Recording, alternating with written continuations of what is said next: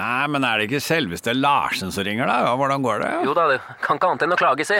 Ja, hva er det du lurer på i dag, da? Nei, eh, eh, jeg bare tenkte på eh, Ja, hva tenkte du på?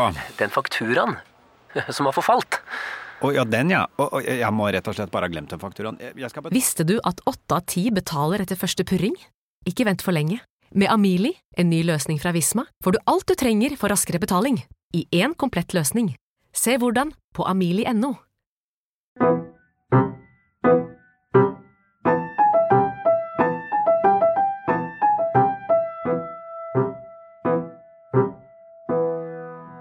Hei og velkommen til podkasten Frilanslivet, en podkast av min kollega Hanna von Bergen og meg, Kristina Skreiberg.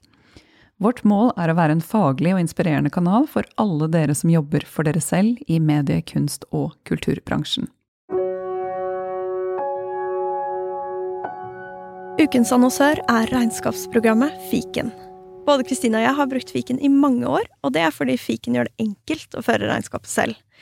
I Fiken så kan jeg nemlig sende fakturaer, ta bilde av kvitteringer med Fiken-appen, jeg kan levere moms og næringsoppgaven, og jeg kan gjøre alt fra samme sted. Det gjør frilanslivet mitt lettere, rett og slett. Vil du prøve Fiken gratis i 30 dager? Gå inn på fiken.no. I dag er jeg på besøk hos en av Norges mest kjente fotografer, Morten Krogvold. I løpet av sin 50 år lange karriere har Morten fotografert dronning Sonja, Nelson Mandela, Marina Abramovic, for å nevne noen, og er blitt utnevnt til ridder av St. Olavs orden for sin innsats og engasjement for fotografiet. Krogvold er mest kjent for sine svart-hvitt-portretter, men han fotograferer også mennesker, natur og eldre klassisk arkitektur. I tillegg til å fotografere selv, elsker Morten å undervise. Han har gjennomført mer enn 250 fotokurs rundt om i verden, for både amatører og erfarne fotografer. Morten startet også fotofestivalen Nordic Light i Kristiansund, som hver oktober samler fotografer fra inn- og utland. Jeg sitter nå hjemme hos Morten, i en kunstnerbolig på Bøler, hvor Morten har atelier og mørkerom og egentlig kunst og kunstbøker overalt. Takk for at jeg får komme, Morten. Bare hyggelig. Samme. Og nå gleder jeg meg veldig til å snakke med deg om hva som driver deg, om selvdisiplin, jobbing utover natten, og ikke minst barndommen din, fordi du lå to år på sykehus som barn, og takker sykdommen for at du ble kunstner. Her bor du, i det som ble laget som kunstnerboliger, med tilhørende atelier, Mhm. og også mørkerom, som du har bygget i kjelleren, ikke Ja. sant? Riktig. Tilbringer du mye tid liksom, i dette, i atelieret ditt og mørkerommet ditt? Og kan jeg få et lite innblikk i sånn, hvordan, hvordan flyter dagene dine her i huset? Nei, jeg, eh, jeg eh, gjør sånn at jeg eh, vil gjerne ha masse avtaler på én dag. Så, har, så pusher jeg de dagene fulle med avtaler, og så har jeg lange stunder her. Så jeg kan være her i 14 dager helt alene, og jeg liker jo jeg sier, hvis, man ikke, hvis man føler seg ensom når man er alene, så er man i dårlig selskap. Jeg har jo bodd sammen med kvinner her, men nå har jeg ikke gjort det på noen år, og det tror jeg ikke kommer til å gjøre mer heller.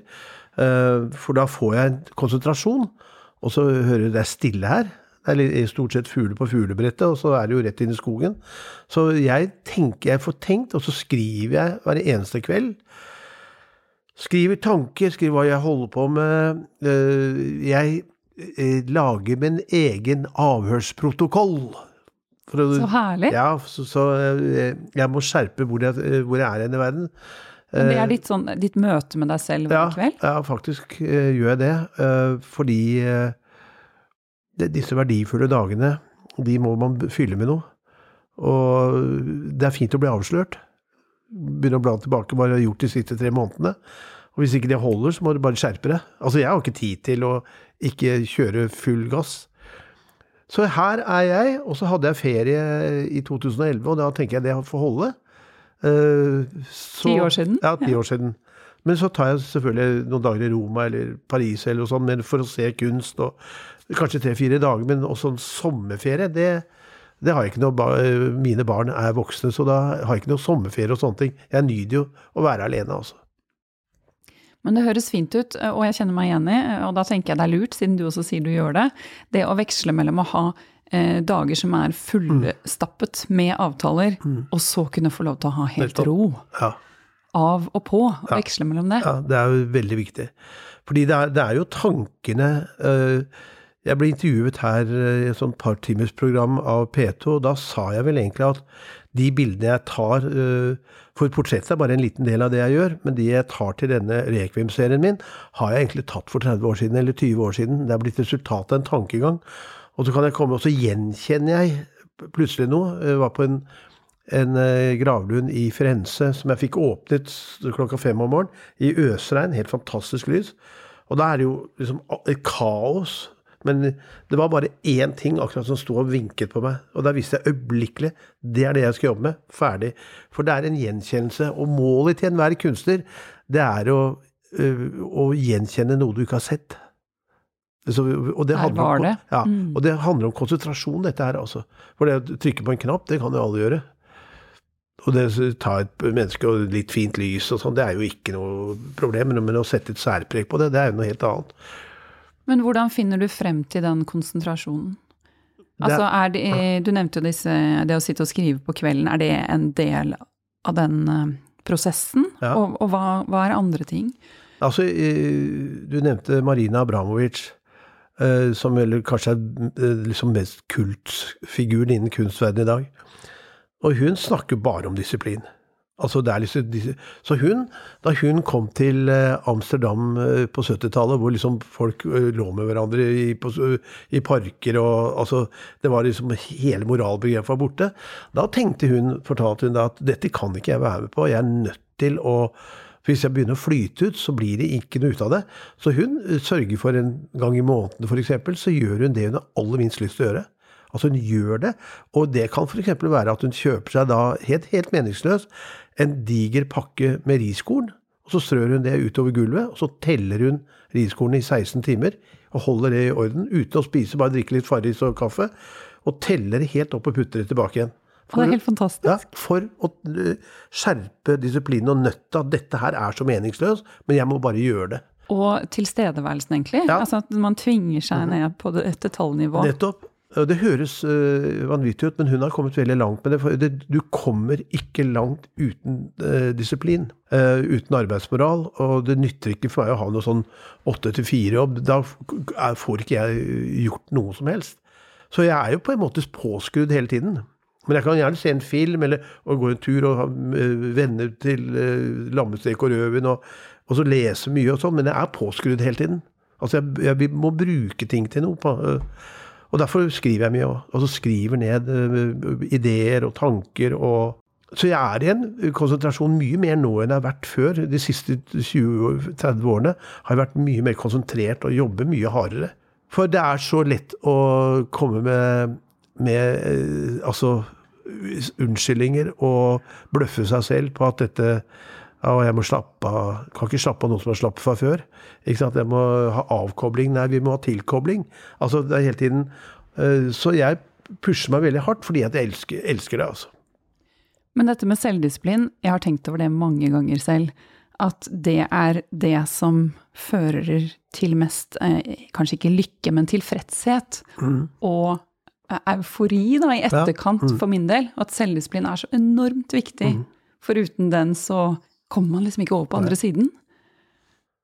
Ja, eh, skulle jeg tatovert et ord på kroppen min, så hadde det vært selvdisiplin, altså. ja. Det er utrolig Dikter, dikter Rolf Jacobsen har skrevet så fint eh, om det eh, i det diktet 'Det du gjorde'. For han sier 'Det du gjorde, skal ikke dø', men dine krav, dine håp, dø. Men det du fikk gjort, ja, fikk gjort, lite, det skulle vært mer, men du fikk i hvert fall gjort noe, men all, alle håp og drømmer og sånn, det er bare uh, ingenting, altså. Så det er noe med Nike-reklame 'Just do it', altså. Det, man kan drømme så mye om hva man vil gjøre, men de beste gjør det. Men det kan tippe over, kan det ikke det? Mm. Har du hatt perioder hvor du har dratt deg selv for langt?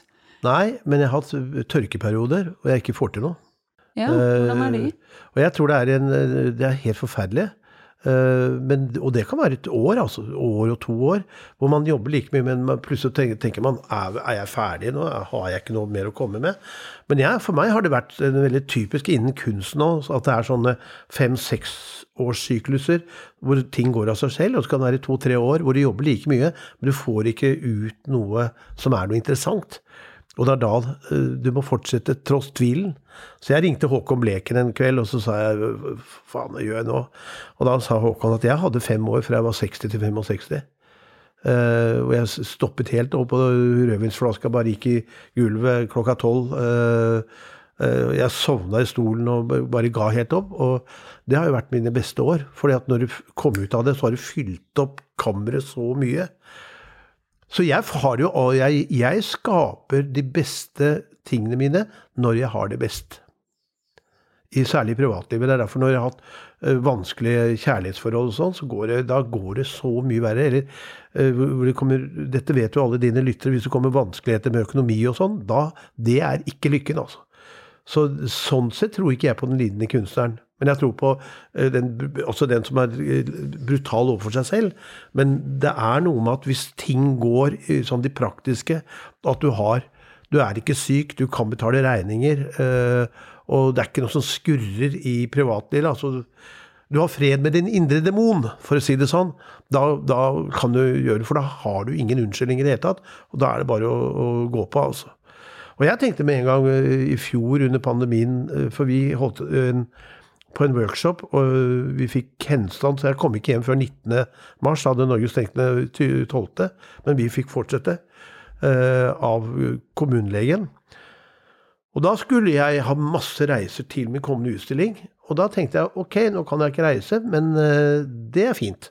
For da må jeg finne alt rundt her. Så det tok meg liksom ti sekunder å si ok, men ikke begynn å pipe, Morten, på at liksom dette er Det finnes ikke syn på deg. Det finnes syn på italienerne som fikk det. Vi har et oljefond. Det er ikke noe problem. Og hvis jeg da ikke tørker inn med oppdrag, og det har jeg gjort det motsatte for meg, så, så, er det ikke det noe annet. Da må jeg bare finne det her, og det, og det finner du. Så det, der, det, er så veldig lett å si synd på meg, eller og jeg skulle vært der, jeg skulle gjort det. Sorry, det kan du ikke. Og så gjør du det du må akkurat der. Ja, fordi den, den synsen på seg selv, og den klagingen, det er ikke din greie? Nei, det er ikke min greie. Det skal jeg love deg at det ikke er min greie. Og så lenge jeg, Og jeg jeg, Å tenke er jo å snakke med seg, samtale med seg selv. Så jeg har jo en sånn eh, Jeg takker jo eh, Vår Herre når jeg kan stå opp om morgenen. Det er ikke noe selvfølge. Også, du, må, du, må, du, må, gjøre som Schopenhauer sa. Du må skru om nøtta og så stemme deg som en, du stemmer en Stradivarius-fiolin fra 1600-tallet. Du må stemme deg for dagen øh, og bestemme deg. Og så må du ta med de små gledene. Glede deg til dusjen. Og så gleder du deg til lukten av kaffe. Ja. Og lukten av kaffe. og se ut, ikke sant. Altså, de, der, de små tingene det kan høres banalt, men det er, det er det det ikke er. Men det er der det ligger, ja. Ja, det er der det ligger. Og i japansk filosofi så er det syv veier til lykke. Og lykke nummer én eh, er jeg, Og det er veldig interessant, for jeg er ikke ute etter lykke for øvrig. Jeg er ikke noe interessert i lykke. Ja, det vil jeg komme tilbake til. Ja, det, ja. det er Overhodet ikke. Men de har syv veier til lykke. Og det ene er faktisk hver eneste dag å sette pris på det som ikke har rammet deg selv eller familien. Altså Plutselig får du en melding inn fra mobiltelefonen, og resten av livet skulle du bare drømme om før den meldinga kom. At det skjer noe med barna eller deg selv. Altså et eller annet katastrofe. Å sette pris på når de ikke er rammet, det ser japanerne er nummer én. Og nummer to, det er å gå ut og så trekke frisk luft og tenke fantastisk. Fuglesangen, dusjen, kaffen, teen. Altså glede seg til middag. Øh, være til stede. Det er Og jeg tenker jo at vi har øh, Eh, altså, For det er så mye fristelser i vår tid. Altså, Du har Facebook, du har TV, du har sånne ting. Og jeg er veldig opptatt av uh, den fristelsen som jeg ikke kan gjøre, nemlig uh, Netflix-syndromet. Uh, for du kan også få de seriene på DVD. Og, eh, og, de har jo Du har mange DVD-er? Ja da, ja, jeg Veldig liker jo DVD. Ja, eh, filmer. filmer, mener ja, filmer, ja. Og, men hvis jeg da går ned på platekomponiet på Oslo City, så er jo alle de TV-seriene Så tar de ut en TV-serie. Så står det den og den serien, sesong 1, 94 timer. Og så, og så hvis du da følger med på fire TV-serier, så er det oppe i 400-500 timer. Og det er halvparten av hva Marit Bjørgen trente for å bli verdens beste olympier.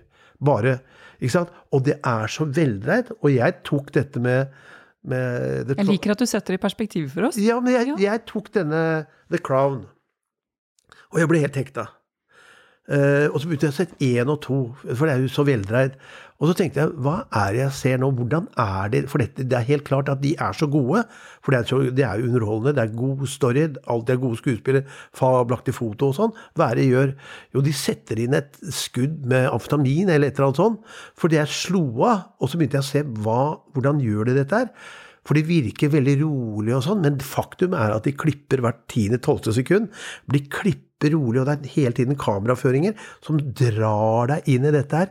Og du tror at nå ser du på noe langsomt godt nå, men i virkeligheten er det lynkjapt tempo. Så de er så dyktige. Og da tenker jeg at jeg kan ikke Jeg har ikke tid til dette. Men jeg kan godt kanskje se én, følge med på én serie. Men jeg holder regnskap over min egen tid, uten at det skal bli hysterisk. Så jeg tenker jo at på hver TV-skjerm, hver time, så har jeg tenkt det skulle poppe opp. Og så skulle det stemme én time nærmere døden, har du tid til dette? Og så går du igjen på, på, på den. Også et timeglass som renner. Og det skulle vært på også på en datamaskin, at en, en timeglass hele tiden som renner, og så et kors der nede, og så går det Husk men jeg Ville ikke det vært litt angstfylt? Jo, jo, selvfølgelig. Men, det, men husk på, jeg, eh, hvis jeg ble 80 år, da har jeg levd 30 000 dager. Og jeg har levd 25 000 dager. Og det sier seg selv at jeg har ikke tid til å sitte, fordi det, det er for bekvemt for meg. Altså, jeg kan godt gjøre det, men da, kan, da vil jeg selge kameraene mine. Altså, Da må jeg bare si at det, det, enten eller, jeg, men jeg kan godt følge med på én. Men, men har du blitt mer bevisst på den eh, altså, tidsbruken din eh, ettersom du nærmer deg 80 år? Ja, ja akkurat. Ja. ja. ja. Uh, du ser tiden renne ja. forbi? Da er det heldigvis ni år til jeg er 80, men, uh, men uh, det er masse, jeg, jeg, jeg, jeg, blitt, jeg, har blitt mye mer sær på det de siste 40, nei, 20 årene, i hvert fall. Fordi at jeg Spørsmålet om, om det er verdt det. Fordi hvor Altså, jeg snakket med en nå som faktisk så en av disse episodene, så, og så sto hun på feil. Så hun så den om igjen tre dager og huska ikke hun hadde sett den. Så hvor mye husker vi av det? Så da er det egentlig sånn kill time. Og er, hvis det er én ting man ikke skal drepe, så er det de, den eneste verdi Vår største kapital er tid. Mm. Ikke sant? Så, men jeg ikke noe Hvis man har lyst til å se på det, så er det helt ålreit bare man har tatt den lille debatten om det er verdt det. Det er mitt poeng. Er det verdt det? Ok. Det er verdt det istedenfor å gå ut, istedenfor å gjøre noe annet. Men hvis det begynner å gå på bekostning av å lese gode bøker og sånn, så syns jeg det er en tragedie, fordi at bøker har en annen kommunikasjon. Men bruke litt. Eh, og det er litt uh, samme som jeg som elsker vin, men jeg vil ikke drikke fire flasker på en kveld. Og det er det samme som hvis du ser den der Netflixen, så er det en overload på en kvalitet. Og hvis du bruker tiden på, på nett og Altså, øh, jeg sier til mine studenter Selvdisiplin igjen, ja, egentlig. Ja. ja. Og jeg sier til mine studenter som da liksom øh, f.eks. deltar, kursdeltakere, og så holder de på øh, Og så får de ikke gjort så veldig mye bilder, men, de, men de, de ser andre fotografer på nett og sånn. Og så sier jeg men du lærer ikke å svømme på, på nettet, du må ut i det jævla vannet for å svømme. Ikke sant? Altså, du lærer ikke å turne på nettet, du må turne, du må spille fiolin. Du kan ikke lære fiolin på nettet. Så det er en sånn escape-greie. For det er så fristende. Hele, du, hva du kan hente opp nå på nett, og uh, all historie på Facebook og Netflix og sånn. Det er så mange fristelser. Og da må man trå litt varsomt med det, hvis man ønsker å få gjort noe, da. Det er det. Hvis man vil det, ja. Mm. og, derfor, og, derfor, er jo uh, faktisk Karl Ove Knausgård min store helt for øyeblikket, ved at han skrev 2500 sider. Uh, sto opp fire om morgenen når han hadde en syk kone og tre barn, og klarte å skrive en bok som er uh, en av de mest berømte. altså Han er jo vår superstjerne. Klarte han, på tross av med familieforhold og en, en kvinne som var totalt nede, og så klarte han det. Du makan til disiplin den mannen har. Ja, når man Ja. får innsikt i hva som var rammen rundt det. Nettopp rundt det var. Ja. Og jeg, jeg fotograferte han i 2016, eller sånn, og da hadde han begynt på denne våren-høsten-serien sin. Da skulle han skrive om våren, så sa jeg men Karl Ove, nå er jo mars, hvor langt er du kommet? Du skal ikke våren ut? Så sa han jeg har en eh, Jeg må skrive 30 sider hver dag, jeg, sa han, for å nå det. Men det skal jeg klare. Og så skrev han 30 sider hver dag. Og, og da er det om du setter opp uh, klokka fire eller hva du gjør. altså Du må bare fikse det. Og det er jo det de eh, altså Jeg er jo så heldig at jeg hadde Carl Nesjar, som har jobbet 20 år med Picasso. Carl Nesjar, kunstneren, som en av mine aller beste venner, var jo der nesten hver dag. Og han spurte meg en gang Så ringte han og sa han, Morten, da var han 92. Syns jeg kan la være å male i dag? sa han. Så jeg ikke faen. For da sovner du, da, da kommer du til å dø. Altså, er du trenger ikke Hold deg i gang, i hvert fall en time. Hold deg i gang! Et eller annet Carl må gjøre, og så gjorde det.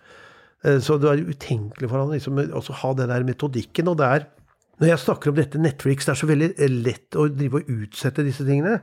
Og det er jo et, et 3000 år gammelt sagn eh, fra eh, Hellas. Og den er bare en setning, eller to setninger. Har du hørt om gutten som kunne løfte en okse? Den løftet dyret hver dag fra første dag etter fødselen.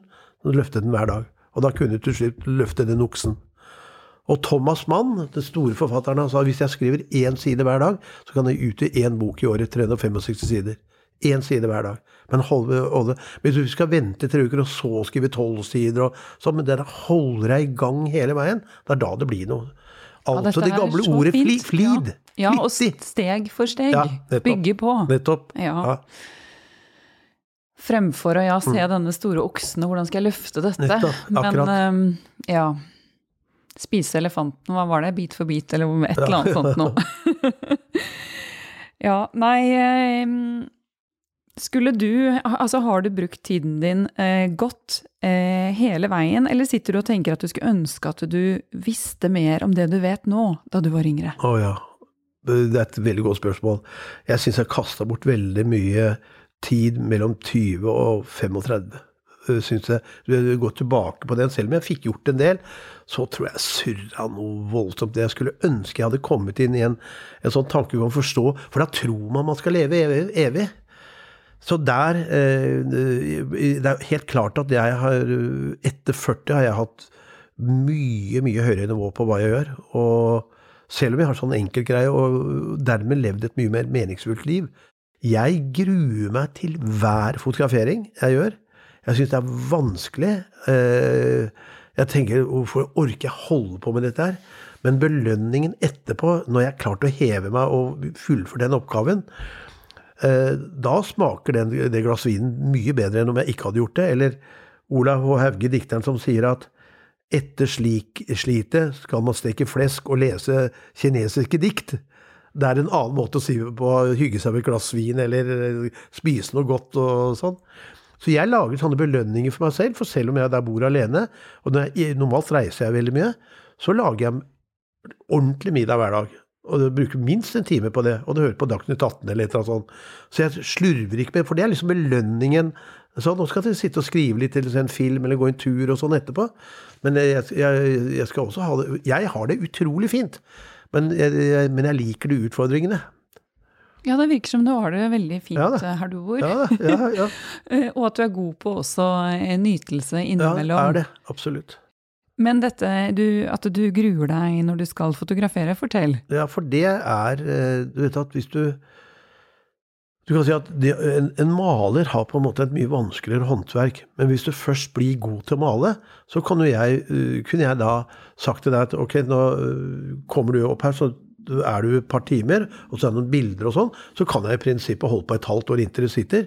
Men hvis jeg skal fotografere deg, så spørsmålet treffer jeg Altså, det er ingen problem for meg å, å lage et vakkert bilde av deg som er en vakker kvinne, men å klare å løfte det. Og hvis, du, hvis jeg ikke klarer å løfte det, så er det på en måte eh, bortkasta. Og det er ingen selvfølge at jeg får til der og der. Eh, da. Fordi å ta bare et uh, vakkert Tusen takk, Ja, ja. forresten. Men å bare ta et bilde som du tenker 'dette blir pent', det Altså, jeg, holder jeg ikke. kan sette det lyset, jeg kan modellere ditt ansikt og gjøre noe det, Men få til noe som har en nerve, som, som er noe mening i utover og, og på en måte eh, registrere eh, ditt utseende, det er ikke sikkert man eh, klarer. Jeg vil hoppe litt tilbake til dette, fordi du sier du gruer deg veldig mye. Og eh, det tror jeg veldig mange kjenner seg igjen i. At man går rundt med mye angst for om blir Mm. Det bra nok, og dette er muligheten min, og nå skal det, det må Mm. treffe. Og så eh, tenkte jeg å spørre om det dette med at du ikke er opptatt av lykke. Ja. Eh, Så da er det greit for deg, tenker du, at, man, at livet innebærer en del gruing? For lykke er ikke målet. Nei, det er meningsfullhet, menings, eh, at det skal være meningsfullt. Eh, Og lykken for meg, det er nok at jeg har to døtre og fem barnebarn som er i god form. Det er den lykken, så er det i orden, så lenge det er i orden. Men eh, jeg Men Det er mening du er ute etter. Ja, og jeg eh, hadde et program som het Sommer i P2 eh, i 2020. Og da sier jeg at en av mine oppgaver, det er jo også å korrigere min egen tenkning. For det er ikke sikkert det er rett. Altså, jeg har nok rett i mye, men eh, det jeg tenkte i forfør, er jeg sikker på om det er rett. Så hele tiden også må man være kritisk til egen, egen tenkning. Ellers så stopper man jo fullstendig opp. Hvis man, ellers så har man jo stagnert. Men det å stille spørsmål, så ifrågesette hva du holder på med, det er i grunnen det jeg sier. Så se gjerne Netflix-serie, men spør deg selv spørsmålet ordentlig. Vil jeg bruke de 72 timene? Eh, på dette, i, i stedet for å gjøre noe annet. Og ville jeg gjort det hvis jeg fikk en alvorlig kreftsykdom, f.eks.? Ville jeg da fortsatt? eh, Eller ville jeg gjort noe annet? Og jeg har jobbet så mye med kreft og død i min fotografiske karriere. Og nesten alle som jeg har fotografert i dødssenger og sånn, har jo nettopp sagt det samme. Særlig de som er 30 og 40 år og kanskje har to barn og har fått en alvorlig sykdom og det går til helvete, sier at 'hvorfor levde jeg ikke'? Altså, det, det høres man av, men hvorfor kasta jeg bort tid med bare kål? Som jeg egentlig bare det, Den autopiloten bare går på autopilot. Ikke sant? Og det er å korrigere seg selv og tenke, altså.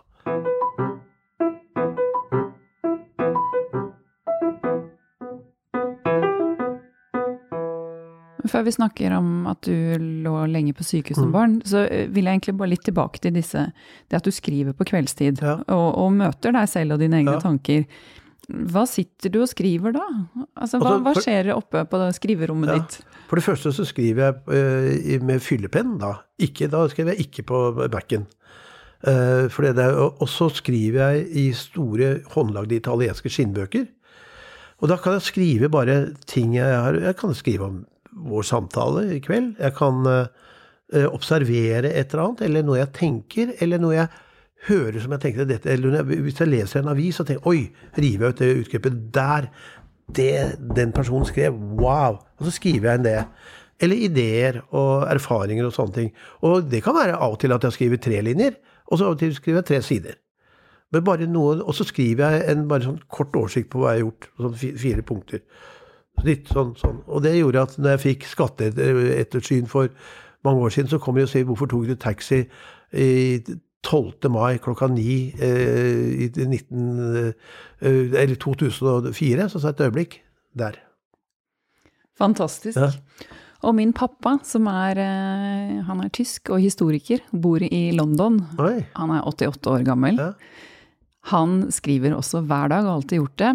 Og nå har han skrevet de siste tre månedene 300 dikt. Wow, Ja, fantastisk. så jeg, jeg syns det er så, Så fint å holde dette her. Han må du ha med i den podkasten, da. Ja, bør jeg ha Ja, med ja, et møte med min pappa. Ja, Jeg gleder meg hvorfor til å se han igjen. ja, Nå er det lenge siden. ja. Men eh, ja, så det er så utrolig fint å holde seg selv eh, gående, eh, helt uavhengig hvor man er i livet, men skape det rommet. Ja, så jeg har jo møtt eh, en del gamle kunstnere som er så påskrudd at du blir helt, eh, får et sjokk over hvor på de er. Og veldig mange skaper jo de beste tingene i sin alderdom. Altså blir bedre, veldig mange blir bedre og bedre. Ikke alle, men veldig mange. Og der tenker jeg, som jeg har snakket om, eh, for jeg gjorde et stort prosjekt med de kvinnelige skistjernene, som for Christian Ringnes som skulle smykke ut Holmkollen hotell. Da snakket jeg mye med dem, men dere er jo ferdige som 32-åringer. Men snakket jeg begynt. Uh, og da snakker de om hvor angstfylt det er. Nei, men Generelt er idrettsfolk de som, det, er ikke, det er de færreste som kan bli trenere. Men de er jo ferdige når de er et par og 30 år, og så kan de leve på det de har gjort.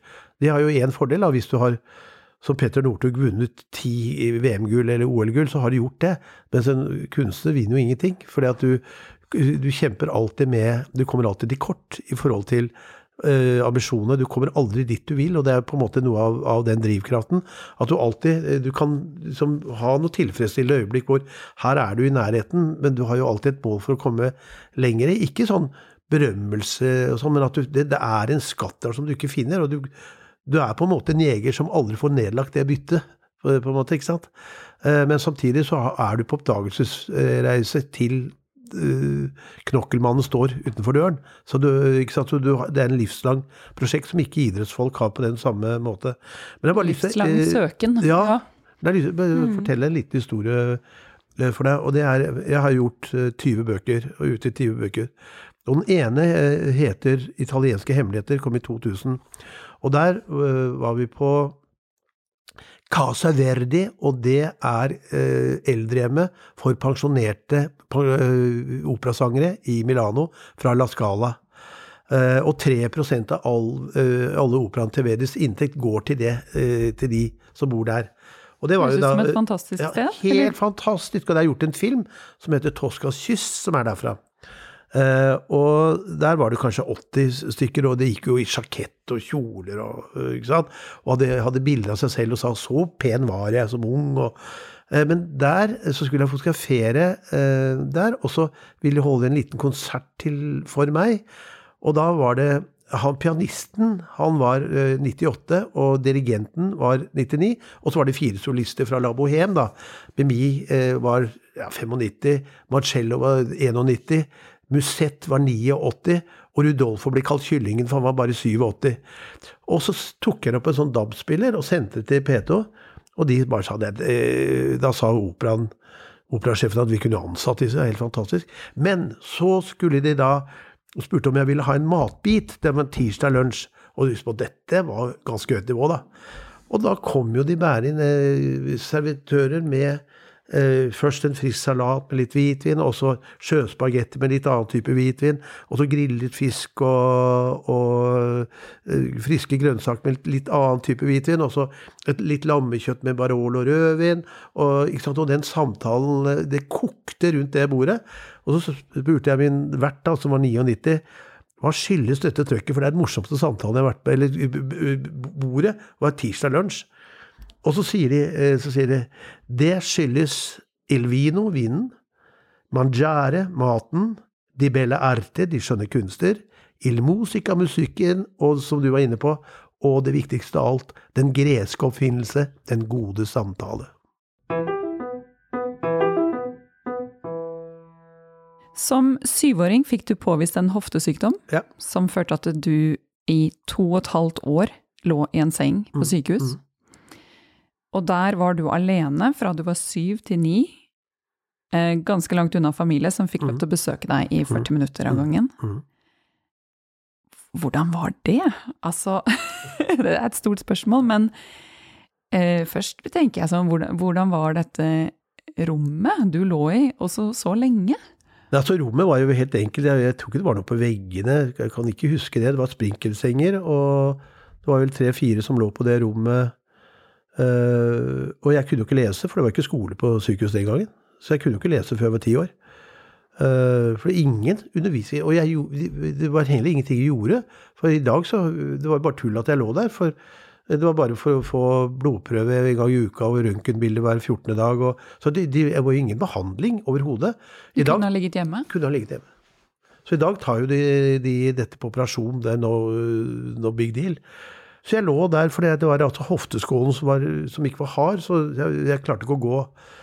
Og da blir jo dagene ganske lenge, da. Eh, altså, altså, lange. Eh, og du kommer inn i en sånn monotom greie hvor du ikke kan skille forskjell på dagene i det hele tatt. Og så var det jo en justis som ikke er Som i, i dag ville vært Et sånn sykehusopphold ville jo vært uh, førstesidestoff i aviser. At du må spise opp maten. Og du vet jo hvordan det er som barn. Hvis det er noe du absolutt ikke liker, det du holder på å kaste opp, så ble det pressa inn, eller så ble du straffet. Uh, så det var en sånn og legene de kom en gang i eh, uken på legevisitt, og jeg husker dem som sånne høye, lange med hvite frakker og tversoverstøyfer. De hilste jo aldri, de bare stod og snakket om meg i tredjeperson. Og ikke sant, de, de, de utstilte en kjølighet som man ble redd de bare stå og snakket. Ikke sant? Leger var jo Gud, ikke sant. Så det var et system eh, der som eh, som er helt umenneskelig. Men så hadde du hodetelefoner og kunne høre radio på NRK. Så hørte jo på melding om fiske og juksa på Stampen og Oslo Børs og alt dette her. Men jeg lå jo på kvelden og hørte også radioteater og foredrag med, med liksom de store åndsmenneskene. Det var jo Bjørneboe og Mykle og den gjengen der. Men jeg forsto jo ikke noe av det. For jeg var jo altfor liten, men jeg forsto at det var noe der. Altså, jeg syntes det var interessant å høre på noe jeg ikke forsto, men den måten de snakket på, og musikk og sånne ting Derfor fikk jeg et sterkt forhold til klassisk musikk og jazz. For den gang ble det, ikke sant? Men det var jo et svart hull. Jeg får litt tilbake til ja. det at du eh, Man blir ikke hilst på. Ja. Altså, du, du, ligger der for deg selv. Ja. Altså, det å være i over to år i et miljø uten eh, varme og mm. omsorg Altså, hvordan Altså, er det Tenker du tilbake på det, eller husker du det som på en måte et, et sår, eller uh... Ja, jeg, jeg, det, det, har formet meg veldig. Uh, for det var jo et, et effektivt sykehus. Uh, og de var ikke slemme, men jeg hadde en som ble het søster Marie. Var, hun var, var, fantastisk. Men utover det så var det De var jo mekaniske og greie nok, men det, ikke, det, var ikke noe sånn som i dag. For du kan sette deg ned og snakke altså, Det var en, en sånn fabrikk, øh, og ble vekka klokka halv syv om morgenen for å ta temperaturen, og så istedenfor at vi kunne sove ut. Liksom, det var sånn det, det, Sykehuset på 50-tallet var noe helt annet enn det er nå. Og det var altså ikke at foreldrene kunne bo der i Det var 40 minutter og så rett ut med sånn gong-gong og sånne ting. Eh, men det som, eh, som gjorde at jeg fikk jo, når jeg kom ut igjen, så hadde jeg jo enormt lav selvtillit. Og det sørget også eh, for at jeg ble jævla dårlig på skolen. For du vet at jeg lå jo etter tre år. Og det red med meg hele veien på en enormt dårlig selvtillit. Men jeg hadde et så fantastisk hjem jeg kom fra. Mor og far og brødrene mine. De jeg får sånn enorm backing derfra.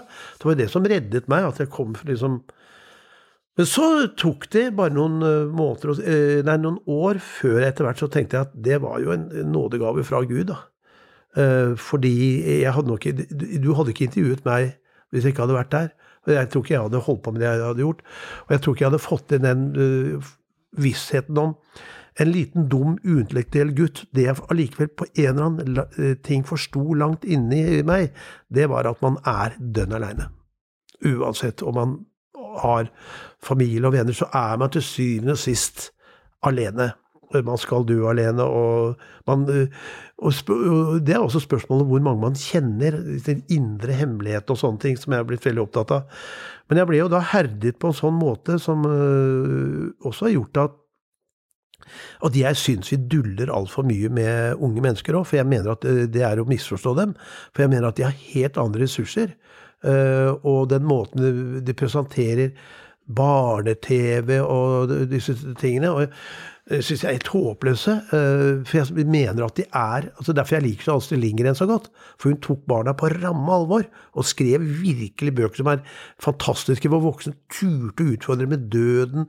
Men ikke sånn der destruktiv eh, Sånn som ville skrive når høyblokk som mor slår far og sånn. Det var ikke sånn.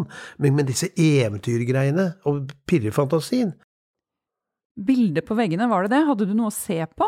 Nei, jeg kan ikke eh, tro at det var noen eh, bilder på veggene. Og da, i tilfelle må det ha vært så dårlig at det ikke var engasjerende i det hele tatt.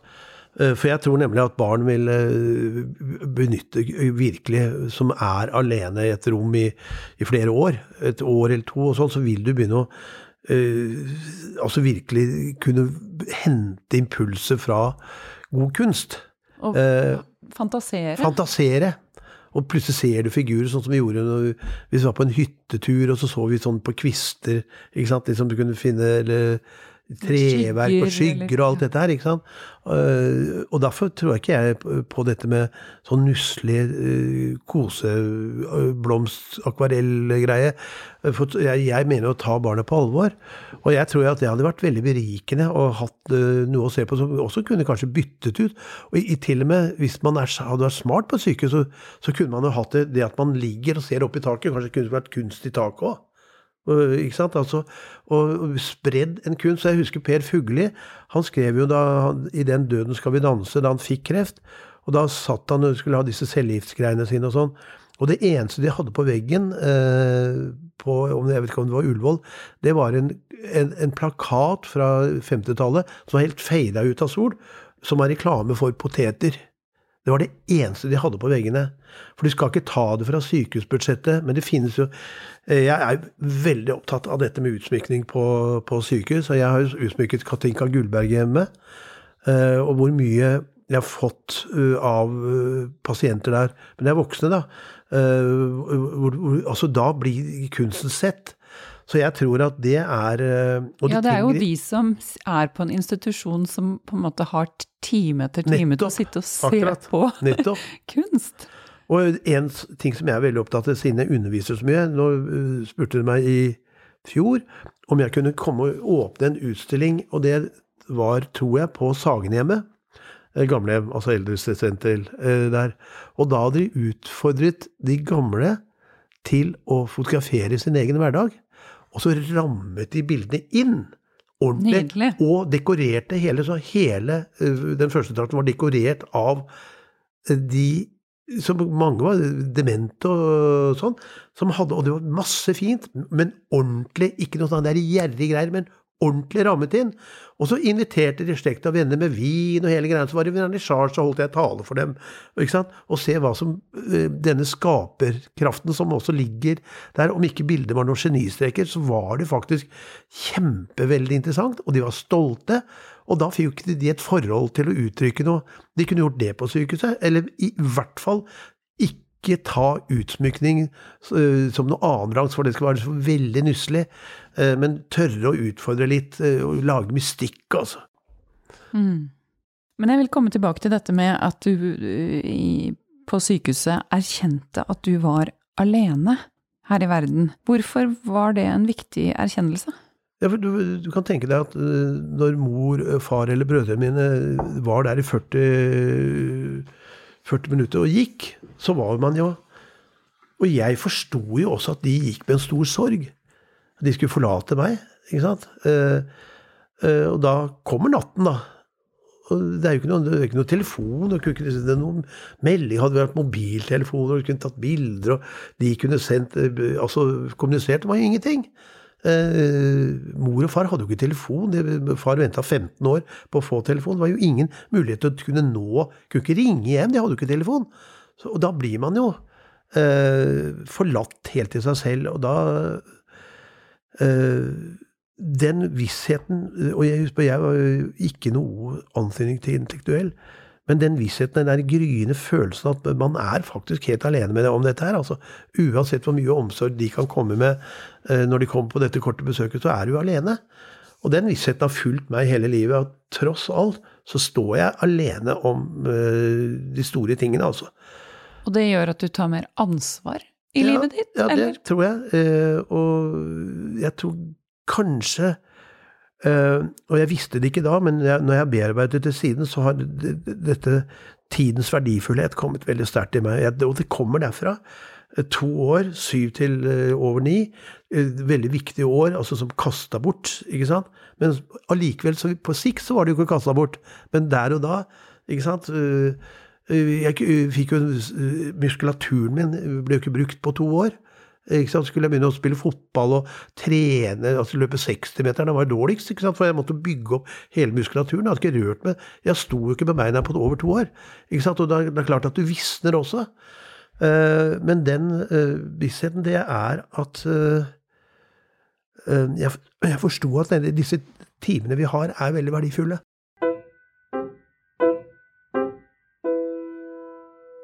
Eh, Og hvis man da ikke får bruker noe av tiden til seg selv og stillhet, altså stillhet for å finne ut å ha denne samtalen med seg selv, da, eh, på hvem man er og hvorfor man gjør det man gjør og sånn. Og hvis man ikke får henta de, så blir man jo bare kopier, også som frilansjournalister.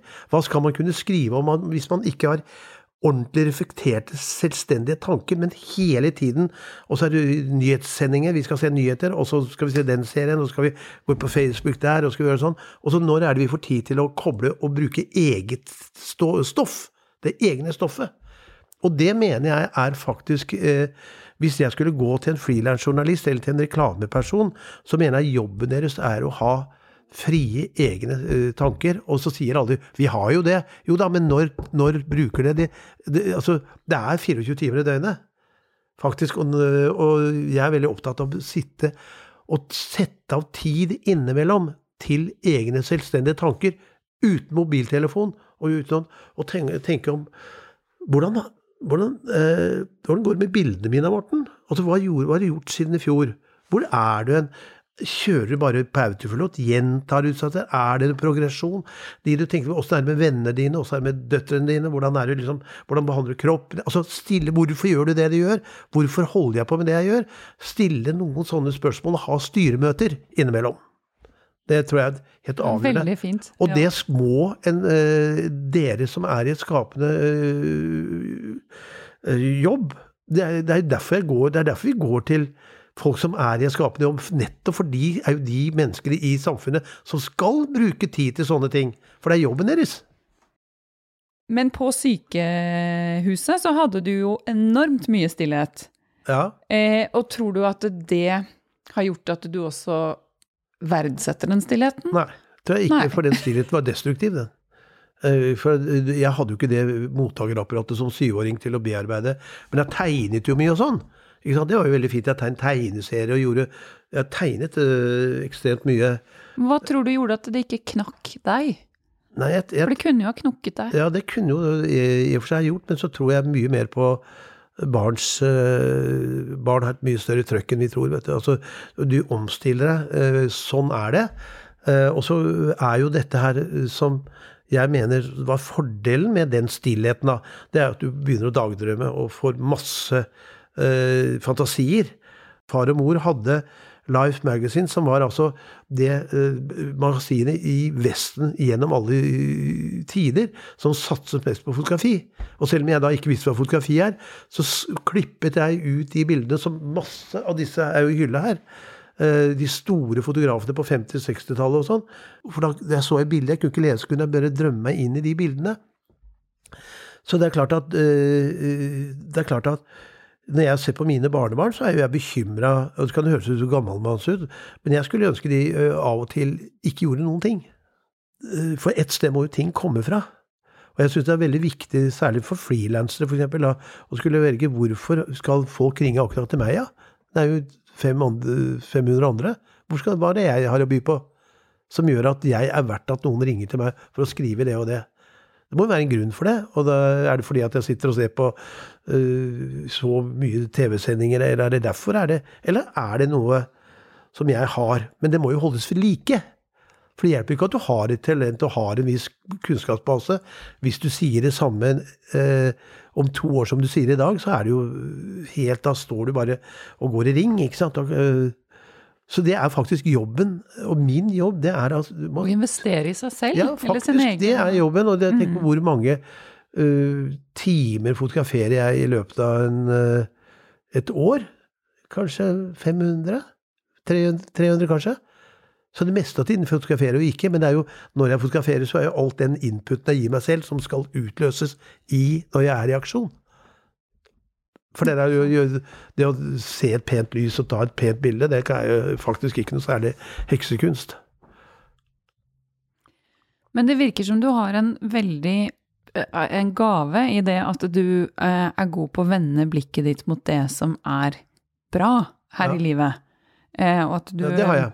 Ja, Det har jeg. Mm. og jeg tenker kanskje det også har reddet deg. Ja, ja. Det blir litt voldsomt å si, men jeg sitter jo her og tenker at et barn har kommet seg ut av denne opplevelsen. um, Ja.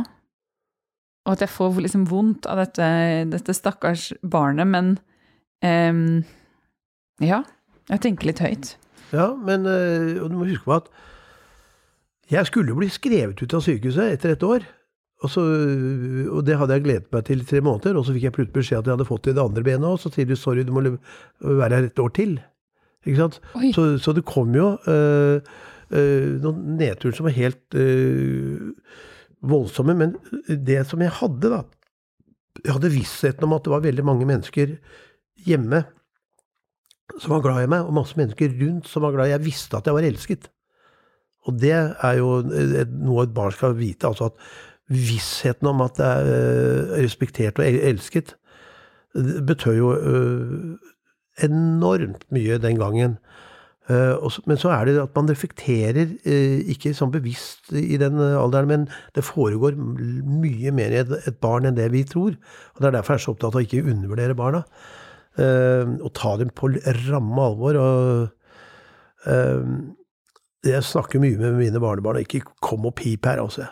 Eh, og jeg sa, det første jeg sa til dem når den eh, pesten kom, pandemien, så sa jeg at ok, jeg skjønner, nå blir dere hjemmeskole og sånn, men jeg tenker at nå kom det Nå fikk jeg en smell i min generasjon. Mor og far fikk Far ble født i 1907. Han fikk første verdenskrig som barn. Og depresjonen på 30-tallet, og så hele annen verdenskrig, som ødela alle yrkesmuligheter for han. Eh, og jeg, eh, vi er den eneste generasjonen, etterkrigsgenerasjonen som aldri har opplevd ett eneste problem. Så fikk vi den, kanskje et år halvannet. Verre er det ikke. Så pip ikke, Morten Krogvold. I verste fall så vil jeg gå bort og, her borte og spørre om jeg kan få jobb og stable ertebokser på Rema 1000 for å overleve. Eh, altså, et eller annet måte skal jeg klare det. Men nå, jeg kan ikke begynne å Jeg har fått 14 måneder. Hva er problemet? 14 måneder hvor, hvor jeg ikke har fått reist til Roma. Stakkars Morten, hva går du til Roma på? Ikke sant? Så det er litt der, da.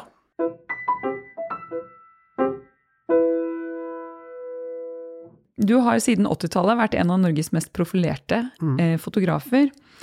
Eh, hvordan har du fått den posisjonen? Og her tenker jeg på det at det er jo mange fantastisk dyktige mennesker der ute, men som aldri oppnår den synligheten. Nei, du vet at eh, Det viktige er at det, du må ha flaks. Jeg snakker mye med Kari Bremnes om, om det. Hun sier det dreier seg mye om flaks. At du, du, scenen du går på scenen når den er ledig for deg. Og den var ledig for meg i 79. eh, 8-79 på høstutstilling. Så plutselig, uten at jeg visste Og jeg har aldri Jeg har lagd meg masse sånne kataloger som jeg skal sende ut og markedsføre. Jeg har aldri brukt noe av det. Eh, og så tror jeg at det er undervurdert en ting som er undervurdert i kunsten òg. Det er en slags karisma, at man må kunne snakke med folk. ikke sant? Og by på seg selv og være positiv. Og så kom jo dette at grunnen til at jeg begynte å undervise, tror jeg ligger i at jeg, uten at noen hadde kommet meg til eh, unnsetning med kunst og disse tingene her, og musikk og sånn, så hadde jeg gått til helvete. eh, Ikke sant?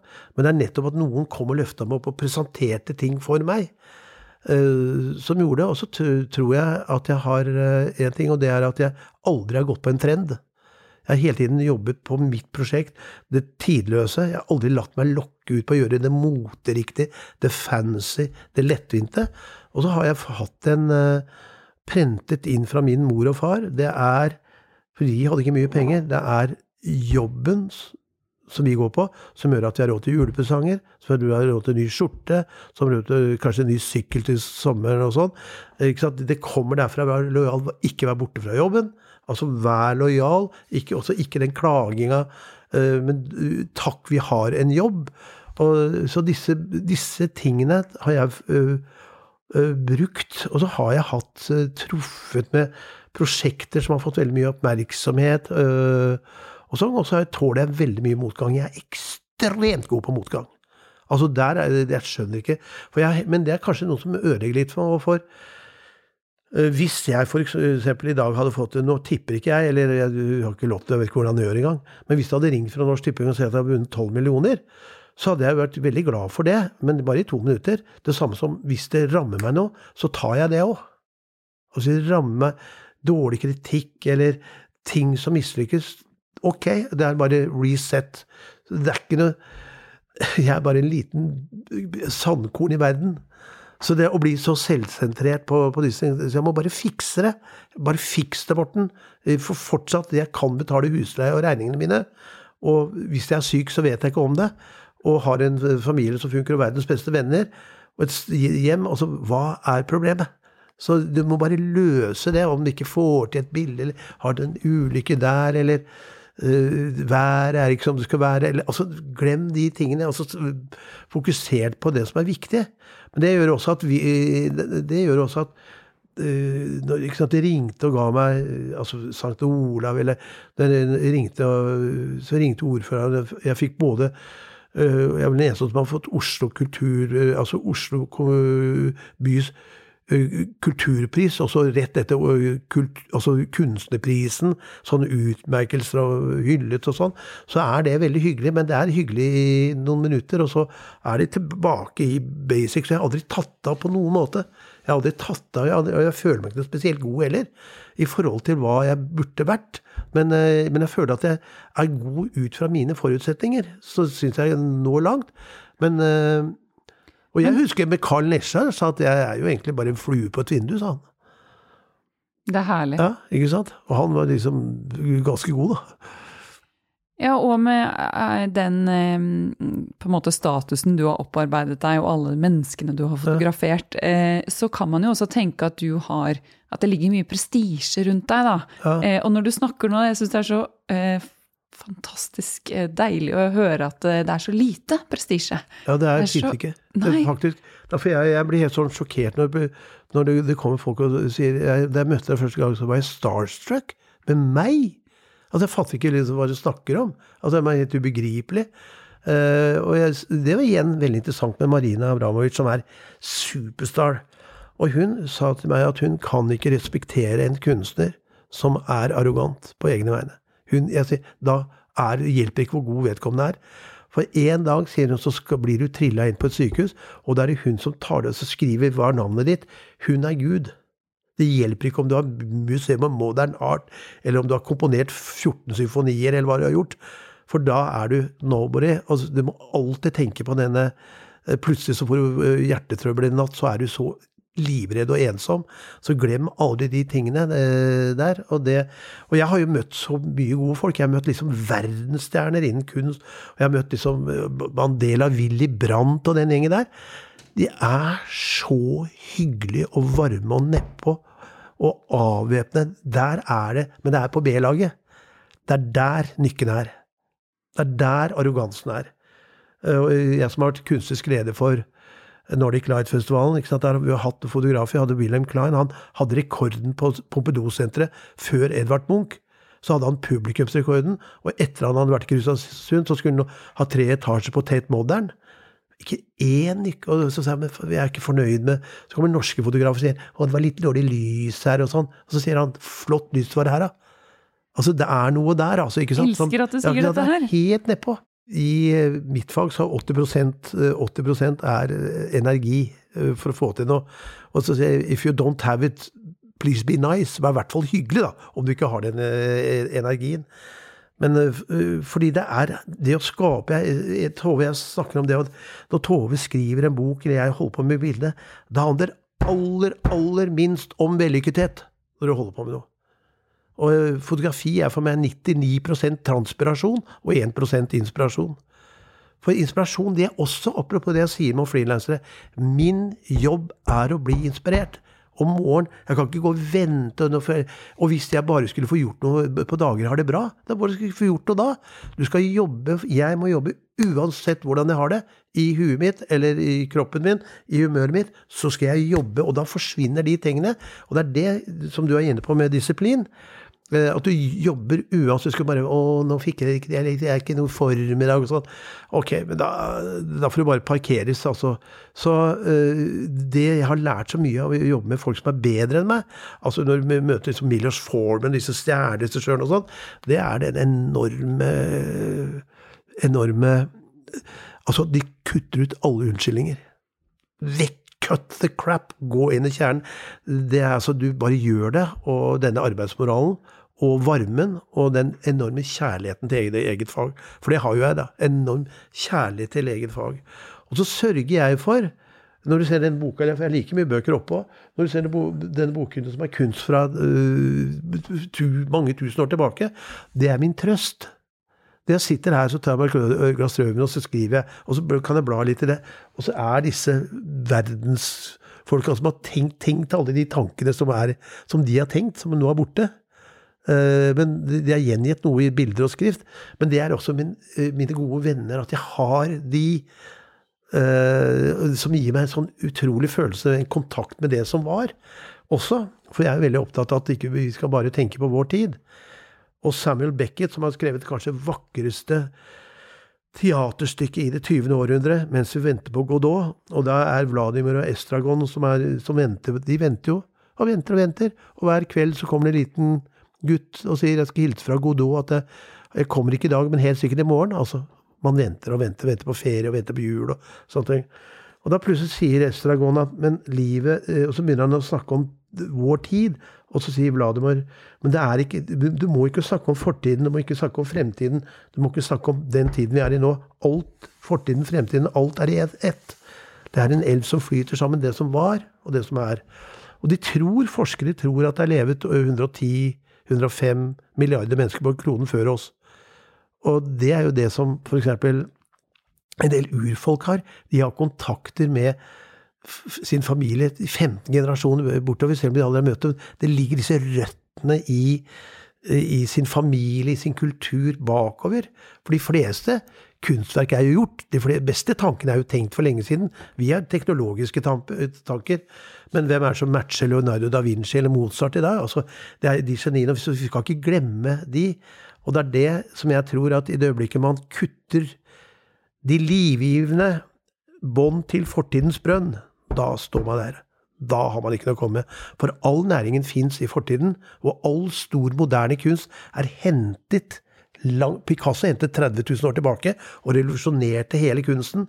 Du går til kilden, bearbeider det, og så bringer du det ut i et tidløst eller moderne formspråk. Så det er ikke en ting i en møbelforretning som ikke er en grunnform. Det er ikke Corbusier-stol og sånn. Alt er jo naturen. Det er bare satt sammen av kjente ting på en personlig måte. Eh, så dette historiske kunnskaper, både historiske kunnskaper om politikk, om kunst, om sånne ting, det er jo en forutsetning for å forstå vår verden i dag. Og det er veldig mange som ikke som bare er inne i denne dagen. Og så syns jeg det er veldig verdt å eh, to ting om computere. Og computere er helt fantastisk. Men John Cleese blir jo spurt om eh, hvor får du dine ideer fra? Og så sier han 'certainly not from the laptops'.